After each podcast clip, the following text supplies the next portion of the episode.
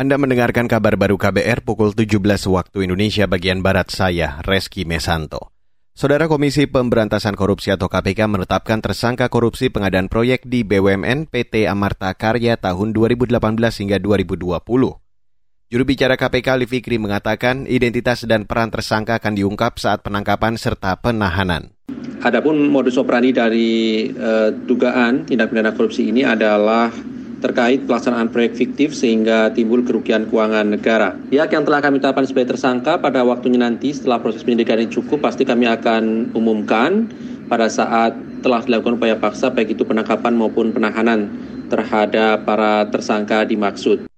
Juru bicara KPK Ali Fikri menambahkan, tim penyidik masih melengkapi alat bukti yang ada. Ali menyebut modus operandi dalam kasus ini adalah dugaan perbuatan melawan hukum terkait pelaksanaan proyek fiktif sehingga menimbulkan kerugian keuangan negara.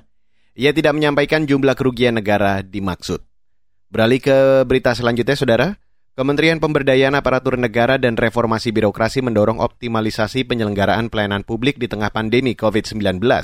Deputi Bidang Pelayanan Publik Kemenpan RB, Dia Natalisa mengatakan, salah satu upaya yang dilakukan yaitu dengan menggelar kompetisi pengelolaan pengaduan pelayanan publik. Penghargaan kompetisi itu diberikan kemarin.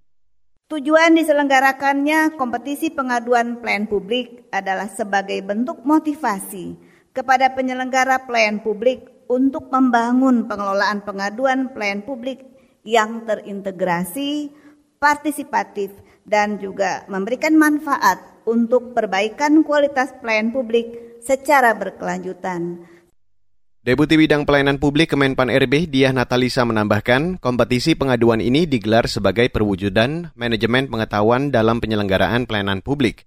Kompetisi keempat ini diikuti 570-an lembaga.